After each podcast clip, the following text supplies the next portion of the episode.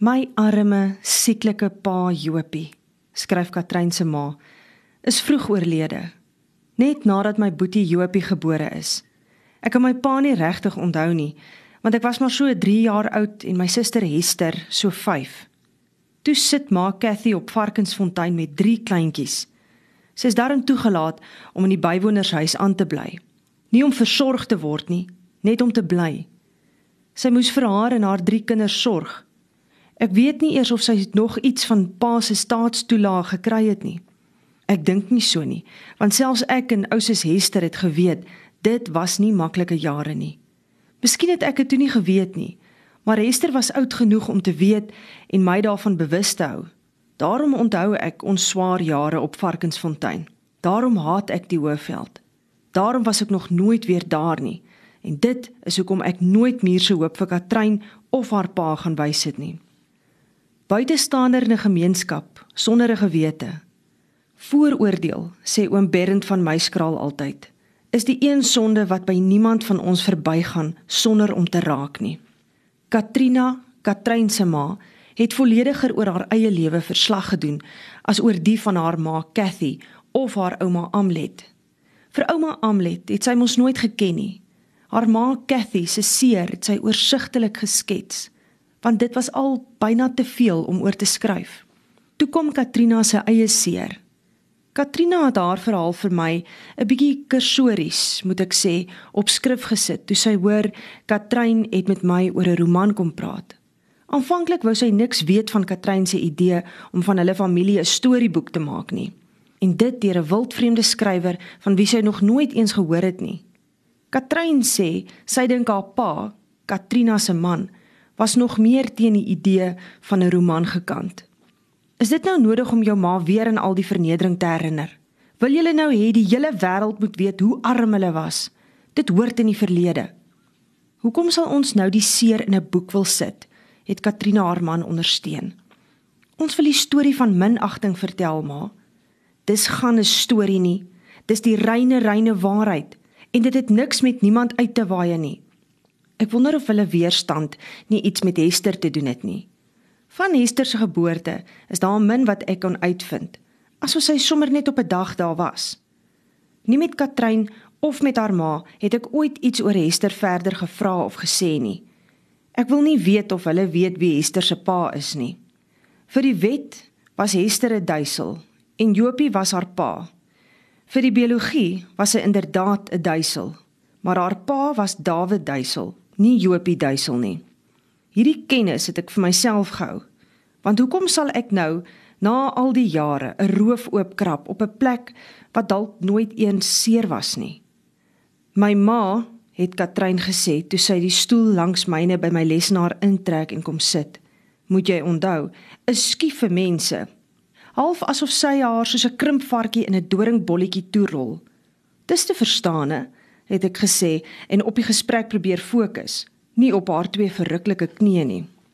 Daarom het haar leidelike verset teen vonnis sonder verhoor 'n evangelie wat ons as apostels tot aan die uiterste eindes van die aarde moet verkondig.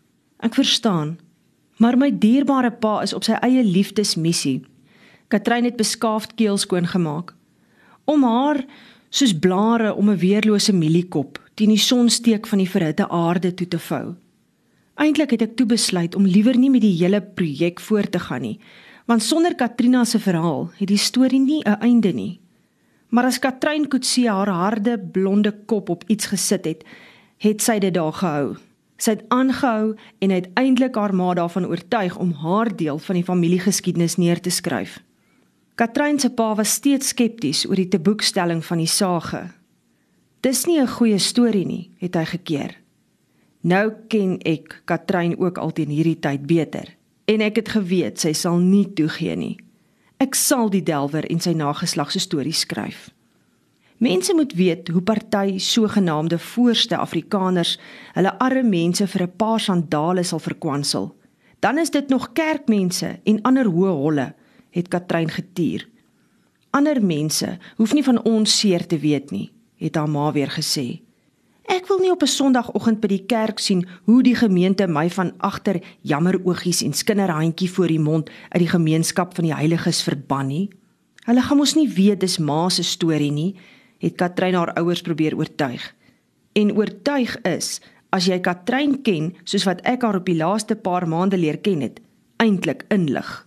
Soos wat sy my van die begin af net kom meedeel het dat ek 'n roman gaan skryf. Sê vir jou ma ek skryf nie haar storie nie, het ek darm my gerusstellingkie probeer oordra. Ek maak van haar storie 'n roman. Niemand hoef te weet oor wie die storie in die werklikheid gaan nie. Lyk my dit was genoeg want nou sit ek met Katrina se storie voor my op die skerm. Sy het dit self met die hand geskryf in potlood in 'n swart ou bloemlesing wat sy nog uit haar onderwysdae oorgehou het. Katrein het dit woord vir woord op die rekenaar ingesleutel. Die storie is 'n waarheid, het sy in die e-pos vir my geskryf. En die waarheid is 'n storie. Ek begin al hoe meer wonder wat storie is. Waar loop die werklikheid van behoorlikheid tussen dosent en student? En ek begin veral wonder of dit ooit saak maak. Hoeveel waarheid is daar in my eie geheue en hoeveel is verbeelding? Hoe verder ek met die roman vorder, hoe meer probeer ek onthou wat oupa Piet van die ou dae vertel het. Ek wens nou ek het beter geluister. Ek moes pa meer as een keer in Pretoria bel om seker te maak van feite en datums uit my eie onthou.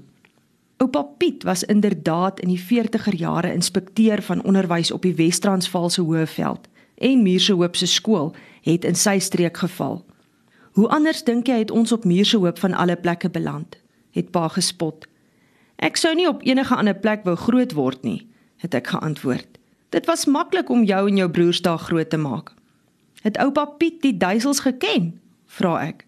Oupa Piet het van die ou duisels geweet.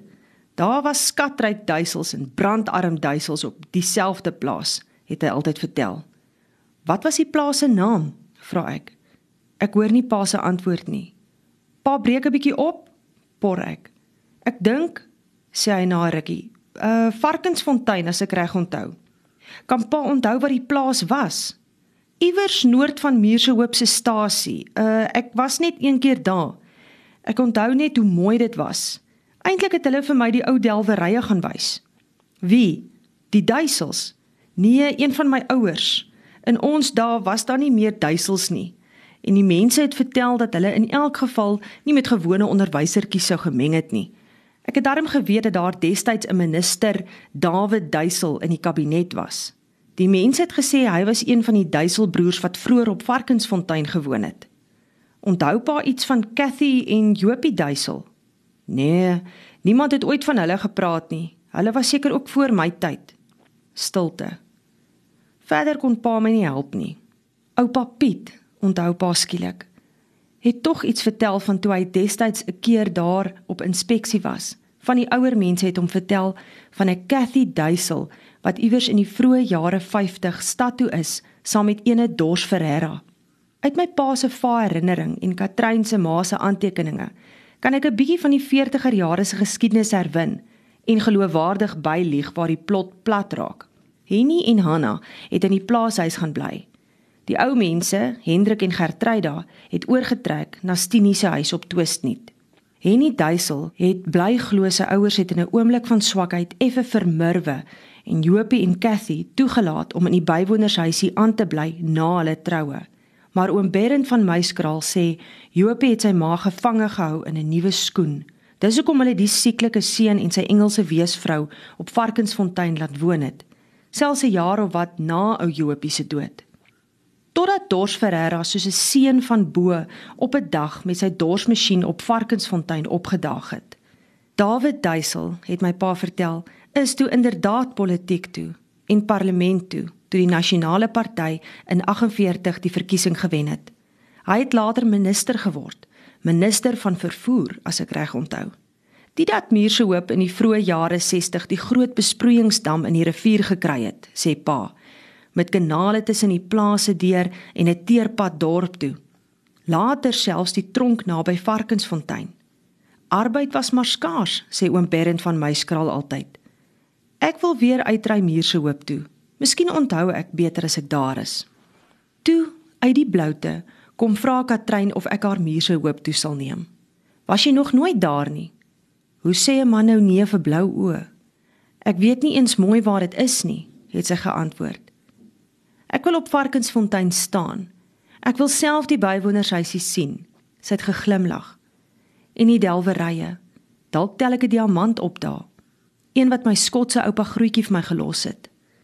Van die huisie sal daar seker niks meer oor wees nie. En die delwerye was in my kinderdae al net toegegroeide duike.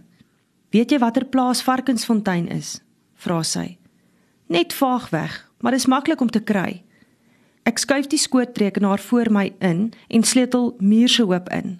Die enigste inligting is dat daar 'n stasie is en akkommodasie by twee gasteplase in die omgewing. Ek raai kaart toe sy oorbuig om op die skerm te kyk. Ek moet Varkensfontein twee keer intik want my vingers hinke pink op die toetsbord. Op Google Maps kry ons Varkensfontein.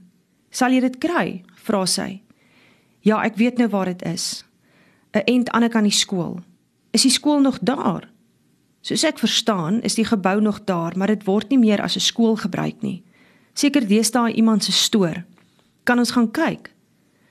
'n Verhouding met 'n student is verbode, flitse deur my kop. Dit kan op magsmisbruik neerkom, sê die personeelregulasie glo. Ek gaan haar net die plek wys, niks anders nie.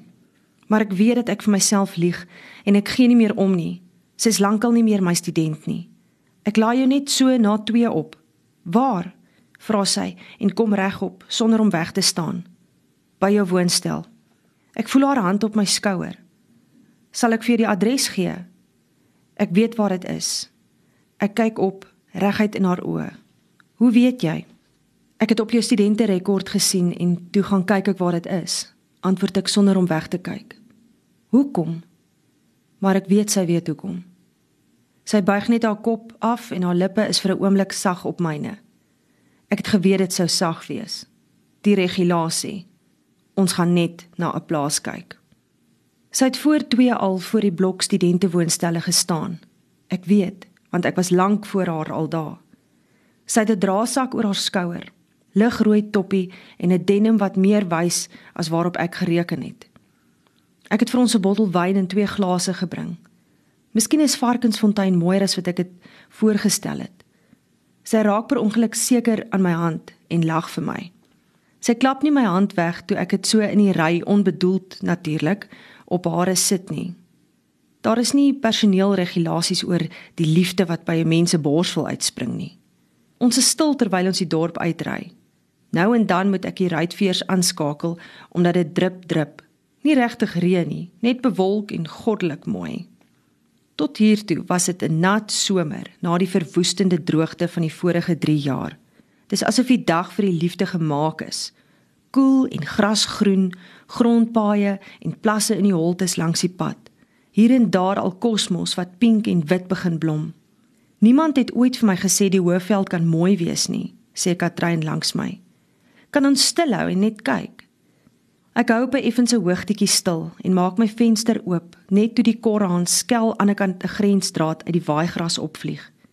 Dis een van daardie hoë veldse dae in die laat somer wat 'n mens net op ons hoë veld kry. Windstil, die wolke soos 'n sagte doewy oor die hele veld wat voor ons uitstrek. Is die geel daar onder sonneblomme? vra sy. Ja. Voor ons staan die gras plek plek hoër as die droppers en net aan die kant die heining 'n blok blou-groen saadmielies onder 'n spulpunt. Oor kan die laagtetjie lê die twee blokke sonneblom so songeel dekens oor beddens op 'n reëngroen vloer. Ek hoor haar langs my asemhaal, haar hand klem om my vingers. Dis mooi, sê sy weer. Nie eens 'n goeie skilder kan dit weergee nie. Ek het nie geweet 'n sonneblomland kan so verruklik mooi wees nie.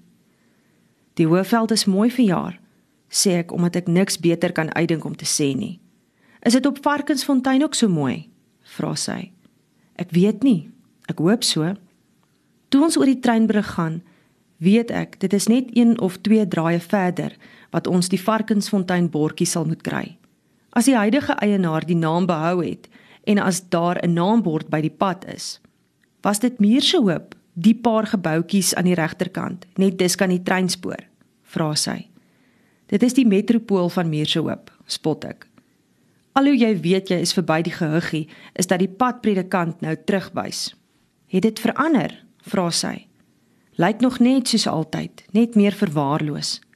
Sy skuif nader aan my toe ons dit byna gelyktydig sien. Varkensfontein boerdery. Ek draai uit die groot pad uit en hou in die hek van die plaaspad stil. Ons klim in die klam dag uit. Varkensfontein lê aan ons voete. Links van ons, aan die kant die draad, waai 'n trop donkerbruin beeste in hoë gras. Verder links van ons huppel kuddes pluime oor die ronde mielieland onder die spinnekoparms van 'n reusagtige spulpunt. Ondertoe kartel die rivier blink soos 'n vriendelike vis. Ons staan woordeloos in die verruklike stilte. As ek reg gekyk het, sê sy uiteindelik, is die huis hier voor ons aan die regterkant van die pad, die plaashuis. As die bywonershuis nog bestaan, moet dit tussen die bome links voor ons wees. Dit duur 'n hele rukkie voordat sy antwoord. Kan ons gaan kyk asseblief? Ons ry stadig vorentoe en klim uit. Die werf is verlate, maar die hek staan oop. Die plaashuis se deure en vensters is dig onder die breë stoep se dak. Maar daar is gordyne voor die vensters en die grasperk is gesny. Kan ek help? Die man wat om die hoek kom, is versigtig vriendelik. Hierdie vrou se mense het lank terug hier gebly, antwoord ek. Ons kom net kyk. Is reg? Aanvaar hy my verduideliking. Hier was laasweek ook 'n man wat sê sy oupa het lank terug hier gedelf en 'n groot diamant hier uitgehaal. Wie was dit? vra ek. Ek ken hom nie, uh, maar hy sê hy's Dereko. Ek kyk na Katrein, maar dit lyk nie of die van enigsins by haar geregistreer nie en ek laat dit daar. Sy het al genoeg vir een enkele middag om te verteer. Is daar 'n huis tussen daardie bome? vra Katrein. Net 'n mirasie van 'n ou huisie waarin niemand meer woon nie. Waar was die delwery? vra Katrein. Ek sal julle gaan wys, bied hy aan en ons stap die skuinste verder af oor 'n kanaal, verby 'n hoop grys en groot masjinerie. Hulle delf nog, sê ons gids, maar nie meer met pik en graaf soos in die ou dae nie. Het jy hier groot geword? Nee, ek bly nou maar net 'n jaar hier, vandat ons die plaas ook bygehuur het. Ons werk baie plase hier in die Muurse Hoop distrik, asof ons dit mos behoort te weet. Katrein is stil toe ons op die begroeide wal van die eerste klim staan. Ek hou haar hand vas, want sy huil. Toe ry ons terug. Waar was die skool? vra sy na 'n baie lang stilte. Ek sê jou gaan wys as dit nog daar is. Ek draai links uit die teerpad uit, oor die lae bruggie wat nog lyk soos wat ek dit onthou het. Toe ek die skerp draai links neem, sien ek die skool en ons huis en die jare maak soos 'n kinderboek voor my oop. Ek hou stil en ons bly sit. Die gras en kosmos is te hoog. Die heiningdraad steek skaars bo kan die geil veld uit. Die ou bloekomboom agter die skool het nog groter geword. Voor my herken ek die skool uit my kinderdae die ses skuifvensters nou sonder ruite. Die twee skoorstene nou bruinwit in die skelet van balke sonder sink. Die perskeboom voor die voordeur is nog daar regs die onderwyserswoning. Leeg en afgeskilfer maar twee vensters is nog weerskant van die voordeur. Die stoep toegegroei. Dis waar ek in die laerskool was. Ons klim nie uit nie Katrein haal die wyn en glase uit en skink vir ons elkeen 'n glasie koue wyn. Ek wil eendag op Varkensfontein gaan bly, sê Katrein en leun met haar kop teen my. Die grond hier rond is nou byna onbetaalbaar. Oral is claims. Dalk lê daar nog 'n groot diamant. Delwers bly maar dromers, sê ek. Sit my arm om haar en hou haar teen my vas. Of word net dromers delwers? Ons droom al 4 geslagte lank. Toe ons terugry dorp toe, reën dit sag. Net die geluid van die veers en toe die goddelike stem langs my. Ek het jou lief my land, ek het jou lief om jou blou, sing Katrein. Ek ken die gedig, maar die toonsetting het ek nog nooit gehoor nie. Al wat ek weet is dat niemand 'n gedig so mooi kan sing nie. Ek bly by haar oor ten spyte van die regulasie. Dit is toe sy die woonstel deur die volgende oggend agter ons sluit op pad universiteit toe dat die stem agter ons sê: "En as julle tweeetjies die tyd van die oggend so saam saam uit 'n damesstudent se woonstel kom, dit is nie 'n vriendelike inligtingvragie nie. Is mos professor Venter wat skryfkuns doseer. Ook nie 'n vraag nie. Wie is dit? vra ek toe ons by die motor kom. Die registrateur se sekretaresse, antwoord sy. Die studente noem haar Tannie Wetter omdat sy glo oor elke wet waak soos 'n toegewyde veiligheidswag by 'n OTM. Ag wat, sê ek. Jy ken haar nie. Sy ken die personeelregulasies op die punte van haar vingers. Ek is nie bang vir die soort moeilikheid nie. Jy praat maklik, ek kan geskort word en jy kan sonder 'n werk sit. Dan gaan woon ons in 'n bywonershuisie op Varkensfontein. Ou groot bek, sê sy toe ek vir die deur oophou. Ek skrik nie vir 'n ou tug saakie nie, spot ek. Hulle sê die nuwe rektor is erg oor regulasies. Ken jy hom? vra ek. Nog nooit eens gesien nie, sê Katrein. Ek ook nie. Ons lag toe ons inklim. Voor die woonstel, hoog op die boonste trap, staan die registrateur se sekretaresse soos 'n wagter op Bybelse mure. In my kantoor oorweeg ek dit om die personeelregulasies te lees. Vir die eerste keer, want wie lees nou 'n regulasie voordat jy in die moeilikheid is? Nogtans skakel ek my rekenaar aan en lees eerder die begin van Katrein se ma se aantekeninge. Ek is Katrina Kutse, nee, Duisel, gebore op 1 Julie 1942 op die plaas Varkensfontein in die distrik van Muurshoop. Die plaas is ongeveer 40 km van die dorp af in die voormalige Wes-Transvaal, tans Noordwes provinsie. Ek is die tweede kind en ook die tweede dogter van Jopie Duisel en Amlet Catherine Murray. Die dokter wat met my geboorte die bevalling waargeneem het, het ontdek dat my longe nie goed ontwikkel was nie en het hom met die pasgebore baba in sy motor na die hospitaal op die dorp gehaas. Die longe het redelik goed op behandeling reageer en op 2 weke is ek huis toe gestuur. Hoe die ouer paar 'n kleuter en ook 'n baba versorg kon kry, is nooit verduidelik nie. Dit kon nie maklik gewees het nie. My vader was vanaf kindsbeen baie sieklik en is met groot teenstand van sy ouers, veral sy baie kwaai moeder, met my ma getroud. Hy was nie in staat om te werk nie en het vanaf vroeg in sy lewe 'n staatspensioen gekry. Hulle was uiters arm en het met my geboorte alreeds 'n kleuter van 19 maande gehad om te versorg. Van die kant van my pleegouers, van Cathy, as hulle toe nog sou gelewe het, sou daar geen beswaar teen huwelik gewees het nie. Moontlik ook weinig materiële ondersteuning. Van die moeilike Stinie nog minder. Van Stinie se kant Sy was moontlik dankbaar om vir altyd van die weggooi meisie in haar lewe ontslae te raak. Sover my kennis strek, het nog die duisels, nog die weduwee ooit 'n helpende hand na die arm jong mense uitgereik. Die huisie op die plaas wat deur ons gesin bewoon is, was 'n eenvoudige vier-vertrekhuisie. Ons klein goed het in dieselfde kamer 'n lêplekkie gekry. Ek onthou nie veel van die eerste paar jaar van my lewe nie, behalwe dat ons baie baie swaar gekry het. My ouma van vaderskant was vyandig gesind teenoor my ma en het nie die kleinkinders verwelkom nie. Sy sou verkies dat my pa nooit sou trou nie, aangesien hy nie 'n gesin kon versorg nie. Hulp van die familie was dus minimaal. Ek skrik toe my sekretaresse in die kantoor deur groet. Ek groet meer uit gewoonte as uit goeie maniere, want ek is in gedagte. Vir 'n oomblik wonder ek of ek die roman verder kan skryf. Ek weet nie of ek vir die derde vrou gereed is nie. Dit het te naby aan my lyf gekom, my meisie se ma. En ek wonder of ek teen môre nog 'n werk gaan hê. Daar's 'n e-pos van die rektor se kantoor wat ek nie dadelik oopmaak nie, want daar is ook 'n boodskap van my pa. Hy het tussen oupa Piet se papiere gesoek en hy heg vir my 'n stukkie aan wat oupa nog met die hand in 'n ou TOD oefeningboek geskryf het. Oupa Piet het wel vlugtig met Cathy Duisel te doen gekry. Dankie tog, dit kan my baie help.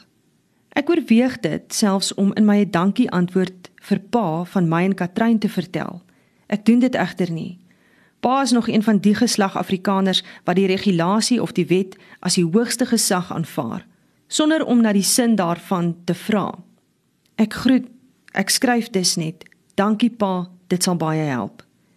Ek ignoreer doelbewus die e-pos van die rektor se kantoor af. Ek maak pa se leer oop en lees die ingeskandeerde stukkie van oupa Piet oor sy boek aan Varkensfontein. Seker goed 50 jaar terug skryf oupa Piet Venter, destyds inspekteur van onderwys in 'n Wes-Transvaalse kring. Daar is geen mooier herfs as herfs op die Hoëveld nie. Die jaar word ryp in blonde mielieblare, in blink blaar wat verbruin. Sing dit deur my brein terwyl ek die grondpad met my departementele fort vat. Die omgewing is verruklik. Die pad verrukkend van sinkplaat. Nogtans sal ek jubel. Ek probeer self sing, maar ek is daarvan oortuig dat ook die engele hulle ore toedruk. Ek sou eerder wil stilhou en net die seisoen in stilte sit en waardeer. Nogtans bly ek ry, want ek weet my plig lê vanmiddag by die twee dogtertjies van die plaas Varkensfontein. Hulle was nie vanoggend by die skool nie. Hulle is siek, meneer die inspekteur, het die koortjie kinders vanoggend geantwoord op my navraag waar die twee duiseldogters is. Hulle het dan gister so mooi en slim op my vraag gereageer. Ek wil hê hulle moet weer vir my sing. Hulle kan tog nie al twee op dieselfde dag siek wees nie, het ek later vir die hoof gevra. Nee, hulle is waarskynlik nie siek nie, meneer Venter, het die skoolhoof my verseker. Deur die venster buite toe gekyk en voortgegaan. Dit gaan ellendig tuis. Haaglike huislike omstandighede, het hy gesug, asof hy die ellende self ervaar. Armoede, vra ek dit en vol slaafverwerping deur die familie en die bure. Hoe so? Dit sal miskien goed wees as u self gaan kyk. Is hulle bywoners? Dis erger as dit, het die hoof gesê. Ek kan saamry as u wil, het hy aangebied. Ek verkies om alleen te gaan, het ek geantwoord. Gee my net 'n bietjie meer agtergrond. Hy het breedvoerig verduidelik dat die gesin by die familie op Varkensfontein woon in 'n karige huisie. Die vader was 'n duisel Jopie Duisel, maar hy was van kleins af 'n sieklike kind en as volwassene afhanklik van 'n staatstoelaag. Sy ouers, die plaaseienaars, was vel teen die huwelik gekant, maar hy het deurgedruk en op die plaas aangebly met sy onwelkome vrou. Die moeder is van kleins af 'n verworpeling, glo 'n pleegkind van 'n vroeëre bywoner, sê die mense. Ongeletterd, sê hulle. Saam met die egpaar 3 kinders, twee dogters en 'n seentjie. Jopie Duisel is dood pas na die geboorte van die seentjie. Sy en die kinders was alleen, maar onversorgd. Die mense vertel dat toe die ambulans die doodsiek pa kom haal het, hy sy ma gesmeek het om haar oor die drie kindertjies te ontferm en hulle te versorg. Dit het nie gebeur nie. Al het die ryk duisels die arm duisels op Varkensfontein laat aanbly. Ons dominees het die ma later gehelp om die vader se ongeskiktheidspensioen te bly ontvang, maar die kan skaars 'n kalkoen onderhou. Die familie wil niks van haar of die kinders weet nie. 3 kinders sê u, vra ek. 3, antwoord die hoof. Die twee dogters wat u gister in die klas ontmoet het en 'n kleiner boetie. Ek reageer nie onmiddellik nie, want ek verwonder my daaraan dat die arm blankes ook op die plase sukkel om te oorleef. Ek het gedink hulle is net op die delwerye en in die stede. Het hulle geen ander heenkome nie? vra ek. Nee, en die moeder is vir niks opgelei nie. Ek weet nie eens of sy ooit skool gegaan het nie. Hy bly 'n rukkie stil voordat hy in gedagtes sê: "Maar sy's nie dom nie. Soos baie van ons Afrikaners het sy net nooit die geleenthede gehad nie. As jy my die pad beduie, ry ek vanmiddag uit Varkensfontein toe." Hy verduidelik: verduidelik soos 'n goeie wiskundeonderwyser. Selfs die windpompe en die afdraaipaaie. 11 hekke, het hy gesê. Ek glimlag terwyl ek die omgewing indrink. 'n Taalmens soos ek sou die natuur skoon beskryf het. Die wiskundige beskryf die pad tot in die fynste breekdeel. Daarom kry ek die uitdraai na Varkensfontein sonder moeite. Ek hou stil om die 11de hek oop te maak. Ek kyk oor die herfs wat voor my voete lê blok op blok skelgeel sonneblom mielielande in die saad met groot koppe wat al begin grond toe buig van oordaat dit was 'n geil somer ek ry deur en maak die bekslater weer agter my toe ek is al lank genoeg op die hoofveld om te weet 'n hek wat oop lê is net so goed soos 'n kamp sonder 'n draad ek ry stadig na die wit opstal regs aan die einde van die ou paadjie ook maar goed ek ry stadig want net dis kan die werfetjie storm 'n kind oor die pad. Natuurlik kyk die seentjie nie voor hy oor die pad skarrel nie. Hoekom sal hy op hulle plaaspad 'n voertuig verwag? 'n Trekker miskien ja. Ek sit my nog aan die kleintjie van so 5 en verkyk toe die twee dogtertjies ook deur die werfetjie hol. Hulle stemme lag sonder dat die gesiggie saamlag. Hulle verstar voor my in die tweespoorpad toe hulle die motor gewaar. Dit is die twee duiseldogters van gister. Ek herken hulle want hulle het presies dieselfde wit rokkies aan as wat hulle gister in die klas aangetree het. Kaalvoet. Dit lyk vir my of hulle sonder meer weer op die vlug gaan slaan. Maar toe ek roep, steek die grootste enetjie vas en kom staan 'n end van die motor af. "Middag oom, middag kind. Hoekom hardloop julle so? Speel julle lekker?" "Nee oom, ons speel nie. Dis oom Henny wat ons weer met die sambok uit sy werf uitjaag." Ek sê niks want ek het niks om te sê nie. Ons mag mos nie op die plaashuis se werf kom nie gaan sy voort asof sy niks buitengewoon aan die vertel is nie. Ma het ons gestuur om 'n koppie suiker by tant Hanna te kom leen, maar ons het gedink oom Henny is nog in die lande. Hy sê mos hy verdra nie ons gebedel nie. Jy is mos duisel, vra ek. Hester duisel oom, sy kom nader. Ek sien die verbasing op die stowwerige gesiggie toe sy nader kom. O gats, dis nie 'n oom nie, dis 'n meneer. Toe maar, ek kom net by julle kuier want ek het vanoggend by die skool gehoor jy en jou sussie is siek. My sussie se naam is Katrina, meneer. Ek is Hester. Nee, ons is nie siek nie. Ons het net niks kos gehad van gistermiddag af nie. Die kinders by die skool spot ons al omdat ons nooit skoolbrood het nie. Ma bak nie elke dag nie, net as sy die slagga pensioen kry. Ek beduie na die opstal. Bly julle hier? vra ek. Nooit? Sy lag weer sonder dat haar oë saamlag. Ons bly daar. Sy wys na die klein afgeskilferde huisie links van die pad. Dit kon een of ander tyd seker wit gewees het. Kom klim in, dan wys jy my die pad. Ek hardloop sommer vooruit. Sy spring weg asof die oom Henny weer agter haar met die sambok is. Ek ry stadig agterna. In die triespieeltjie sien ek die man met 'n sambok om die hoek van die plaashuis kom. Hy laat die sambok val en gaan by die werfhek staan opsigtelik geïnteresseerd in die vreemde voertuig op sy plaas. Ek ry stadig agter die kind aan, tot naby die huisie waar sy by die agterdeur se trap staan om vir my te wag. Toe ek uitklim, kyk ek rond. Aan ek aan die ou waanhuis herken ek die donkie uit my kinderdae. Om die huisie voor die voetpaadjie klein huisie toe. 'n Krom perskeboom.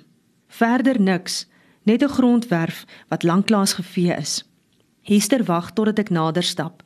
"Ma," skree sy binne toe. "Ons het kuiermense." Dis die inspekteur van die skool. Hy was gister in ons klas. Die vrou loer by die agterdeur uit. Twee gesiggies weerskant van haar lang rok. Die sussie en die boetie. "Middag mevrou," groet ek en stap nader. "Venter," stel ek myself voor. Dis die meneer wat 'n inspekteur is, ma. Dis die oom inspekteur waarvan ek maar vertel het. Dit is die jonger sussie wat agter haar ma se rok uitkom en die trappie aftrap. "Middag meneer," groet die kind. "Katrina," onthou ek haar naam. "Jene meneer," die vrou vat vat aan haar deurmekaar blonde hare. "Ek het nou nie gaste verwag nie, nie sulke belangrike mense nie. Dit lyk nie of sy my gaan innooi nie." "Ek verneem die kinders is siek," sê ek. "Dis nou nie dat hulle danig siek is nie, meneer." Ek het jou twee dogters gister by die skool getoets. Jy het twee skranderkinders, mevrou. Dalk verstaan sy my nie, want sy antwoord nie. Nog 'n mooi vrou, dink ek by myself. Nog nie 40 nie. Blond met die twee mooiste blou oë waarin die seer vlak lê.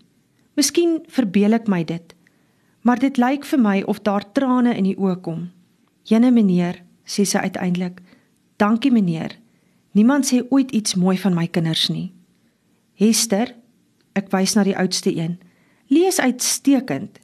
Katrina kon gister getalle sommer so uit haar kop uit optel en aftrek en ek het lanklaas so 'n mooi stem gehoor. Kom in meneer, maar eintlik moet meneer omkom voordeur toe. Die voordeur is vir belangrike gaste, maar ons gebruik dit nooit nie. Ons het nie eintlik 'n voordeur nodig nie. Die huisie is eintlik te klein vir twee deure. Ek is nie seker of sy kla of bloot inlig nie. Ek klim die trappie voor die agterdeur op. Die vrou en die twee jongstes staan uit die pad uit. Hester kom agter my aan. Cathy Duisel, sê die vrou toe ons in die kombuis staan. Skoon koue koolstoof, kombuistafel en een stoel. Sit meneer by die tafel. Daar is nie stoele in die voorkamer nie. Ek weet dit is 'n uiterste armoede wat ek voor my sien.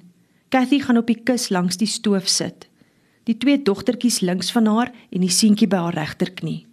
Ek kom hoor hoekom die kinders nie vandag by die skool was nie.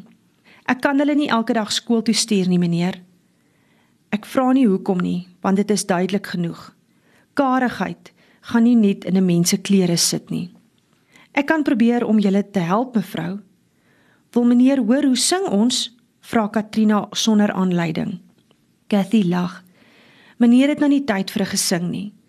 Meneer het. Sing julle almal? vra ek vir Katrina. Dis al wat help, meneer, sê die moeder. Hulle sing. Die ma se helder stem vul die kombuisie. Die kinderstemme volg in, volkomme harmonie. Amazing Grace. Dit moet wees so 'n engelekoor klink. Dan kom die donderende stem in die agterdeur.